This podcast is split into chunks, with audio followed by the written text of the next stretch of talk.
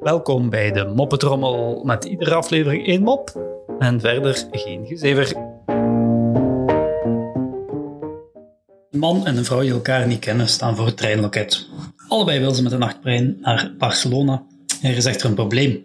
De werknemer aan het loket zegt dat er enkel nog een tweepersoonsbed beschikbaar is en dat ze onderling maar moeten uitvechten wie dat bed krijgt. Ze moeten allebei echt wel in Barcelona geraken, dus beslissen ze om na enig overleg om het bed maar te delen. Het is al laat als de trein vertrekt, dus ze kleden zich meteen om en gaan aan de kant van het bed liggen. Na een half uurtje vraagt de man aan de vrouw, kan je in slaap vallen? De vrouw antwoordt dat ze het eigenlijk best wel een beetje koud vindt. Om het snel warm te krijgen kunnen we maar twee dingen doen, zegt de man.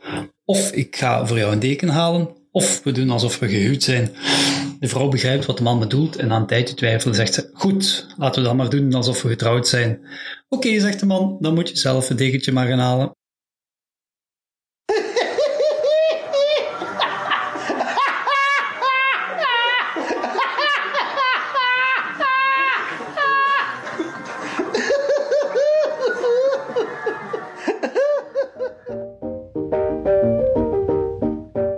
Zo, dat was de moppetrommel voor vandaag. En tot morgen.